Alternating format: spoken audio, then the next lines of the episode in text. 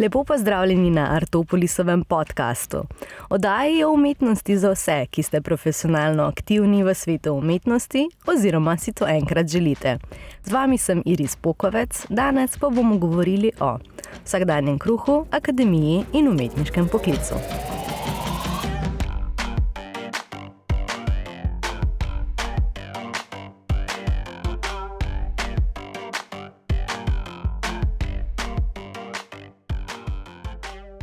V prvi stik z umetnostjo sem stopila navdušeno in očarano še pred odločitvijo za izobraževanje v tej smeri. To navdušenje je med študijem rastlo in rastlo, posem sprejemajoč vse, kar je in kar bi lahko bila umetnost. Težko določim, kdaj je začelo moje navdušenje pojemati, Najverjetneje pa se ga da pripisati konstantni nevolji, ki sem jo začela tako ali drugače vedno pogosteje doživljati zaradi umetnosti. Med drugim tudi zaradi kupičanja lastnih neuspehov, ki pa jih razumem kot proizvod okusa ljudi, katerih vloga je milostno odločati in razpravljati, kaj je dobro in kaj slabo. Na tej točki se je začela v meni postopoma in vedno bolj jasno oblikovati želja po revoluciji in ikonoklazmi. Vse skupaj je seveda posem logično in pričakovanje sosledje dogodkov, še posebej v življenju umetnika.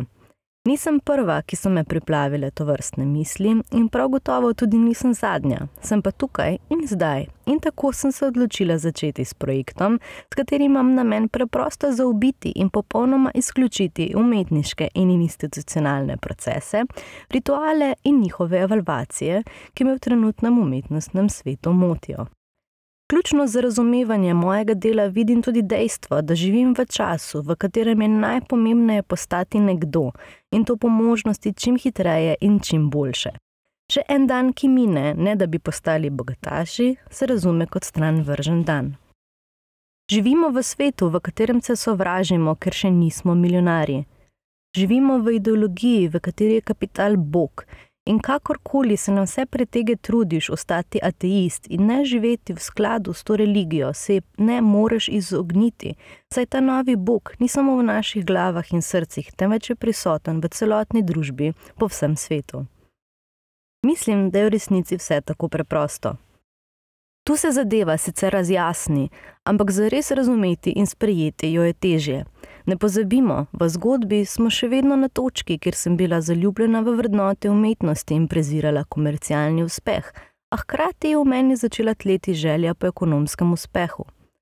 Kako bom torej kot neznana umetnica, ki sploh še ni na točki, da bi jo svet umetnosti začel evalvirati in razvrščati po svojih predaljih, lahko po končanem študiju slikarstva na akademiji sploh živela. Kako razumem, je imela umetnost vedno precej specifičen položaj v družbi in je bila z vseh vidikov nekakšna izjema in posebnost. Na svet umetnosti znotraj ostalega sveta gledam kot na nekakšen delno prepusten mehurček in čeprav sta umetnost in njen ekonomski vidik del širše slike, je še vedno zaprta skupnost z nekakšnimi sebi lastnimi pravili. Zdaj bi povzela, da vidim problematiko poklica umetnika predvsem v tem, da ga je precej težko uvrstiti v sistem menjave blaga in klasičnega upravljanja poklica. V času šolanja smo na naši akademiji precej varni in se o tem ne razmišljamo pretirano, vse tja do neke točke eksistencialne krize, ki navadno nastopi proti koncu študija. S to krizo iskanja mesta v svetu in družbi, krizo samoaktualizacije in vsakdanjega kruha, ter vseh konfliktov, ki nastanejo med temi pojmi, se pogosto spopada vsak študent. Če pa je to študent umetnosti, pa je zadeva sploh pereča, saj svet izven akademije in umetnostnih krogov pogosto ni pretirano vzhičen na tvojo, pogosto tudi precej povprečno slikarsko in kiparsko izobrazbo. Na teh točkah se navadno vsak zazre globoko vase in razmišlja, ali je nadaljevanje sploh smiselno. Po pogovorih s profesori na akademiji in z budnim spremljanjem problemov, ki jih imajo moji kolegi, sem ugotovila, da do te krize sedaj, vse od uvedbe enotnega bolonskega sistema za visokošolske in univerzitetne programe, prihaja še hitreje kot prej in se tudi kaže precej intenzivneje. Do nje pa pride navadno takoj po diplomi, saj študenti vidimo diplomo kot nekakšen prvi mejnik med šolanjem in iskanjem zaposlitve. Profesori poročajo, da na magistrskem študiju pade vsa vnema in se študenti pogosto ali poslovijo od svojih umetniških ambicij ali pa jih postavijo na stranski tir in se začnejo ukvarjati s projekti, ki se jim zdijo bolj dobičkonosni. V nekaterih primerjih se tudi odločijo za nadaljevanje študija na drugih smerih, kot so ilustracija, fotografija ali industrijsko oblikovanje, saj imajo občutek, da imajo tam boljše možnosti za uspeh oziroma kariero. Torej, nisem edina in vse več kolegov umetnikov na tej točki začne sprejemati bolj ekonomske kompromise. Kljub temu pa sem opazila, da se umetniki izredno neradi pogovarjajo o denarju. Še več, pogovor o dobičku, proizvedenem z umetnostjo, je za umetnike precej sporen, nasplošno pa se skoraj da vedno zatakne pri postavljanju cene umetniškim delom in storitvam. Večina jih vsaj na začetku študija verjame, da je denar in vse, kar je z njim povezano, preprosto preveč pritlehna tema pogovora, saj je umetnost preveč čista in presveta, da bi jo lahko skrunili z vidika kapitalizma, vsaj do točke, kjer govorimo o milijonih. Na tej točki pa imam občutek, da pade vsa moralna drža. Prav tako moram pripomniti, da sem opazila to idejo neomadeževanega in nekapitalistično sprijenega umetnika pri šolanih umetnikih in tistih, ki se preprosto čutijo oklicane za umetnike. Prav slednji skoraj da nikoli ne uspejo kot umetniki, temveč pogosto podpirajo svojo umetnost prek sekundarnih poklicev in ostanejo umetniki bolj sami zase in sami sebi. Za voljo pogovora lahko rečemo, da jim kot umetnikom ni uspelo. Tu pa pridem do točke, kjer je treba opredeliti uspeh in kako naj gledati z vidika umetnosti ali umetnika.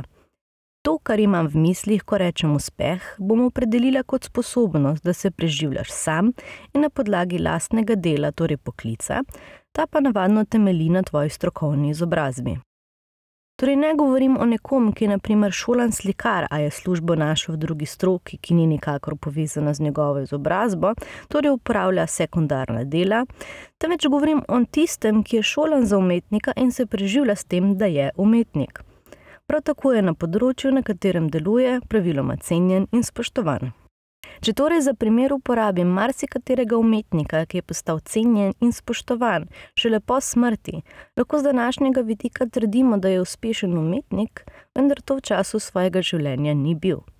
Če preidem še na eno opredelitev uspeha, najprej pojasnim, da vsekakor ni moj cilj navesti vsako od teh opredelitev in iskati pravilne metode za preučevanje. Želim le pojasniti, da uspeh dvema umetnikoma ne pomeni nujno iste stvari, čeprav se gibljata v enakih krogih in jo morda celo zanimajo enake reči. To se mi tudi zdi nekakšna izjema v umetnosti, saj pri drugih poklicih ni takšne zmede. Kot sem prej že opredelila uspeh, ta navadno pomeni ekonomski uspeh, torej ekonomsko samostojnost, mnogim umetnikom pa uspeh ne pomeni tega, temveč služenje umetnosti v smislu dela samega. Ker ti ljudje sledijo notranjim impulzom in umetnost počnejo, ker imajo občutek, da bodo drugače preprosto umrli, ker sta ta nuja in vzgib v njih tako močna. To so tudi umetniki, ki se jim zdi pogovor o monetarnem vrednotenju dela skrunitev njihovega dela. Sklepam, da umetnost zaradi svoje zgodovine in neprecenljivih umetniških del, ki obstajajo, vsekakor lahko hrani to romantično in bojemsko ideologijo. Ti umetniki imajo občutek, da služijo namenu in ideji, ki presega ta svet tukaj in njegovo monetarno vrednotenje. Ideja me ne hoti spomni na služenje Bogu, saj v idejni osnovi, saj je resnici služenje Bogu tudi poklic, za katerega se prejme plačilo. Če torej lahko denarno vrednotimo bogoslužje, najverjetneje lahko vrednotimo tudi služenje umetnosti. Z vami sem bila Iris Pokovec, hvala za poslušanje. Besedilo je povzeto po moji magistrski nalogi Všečnost in kupljivost iz leta 2017. Se slišimo prihodnjič.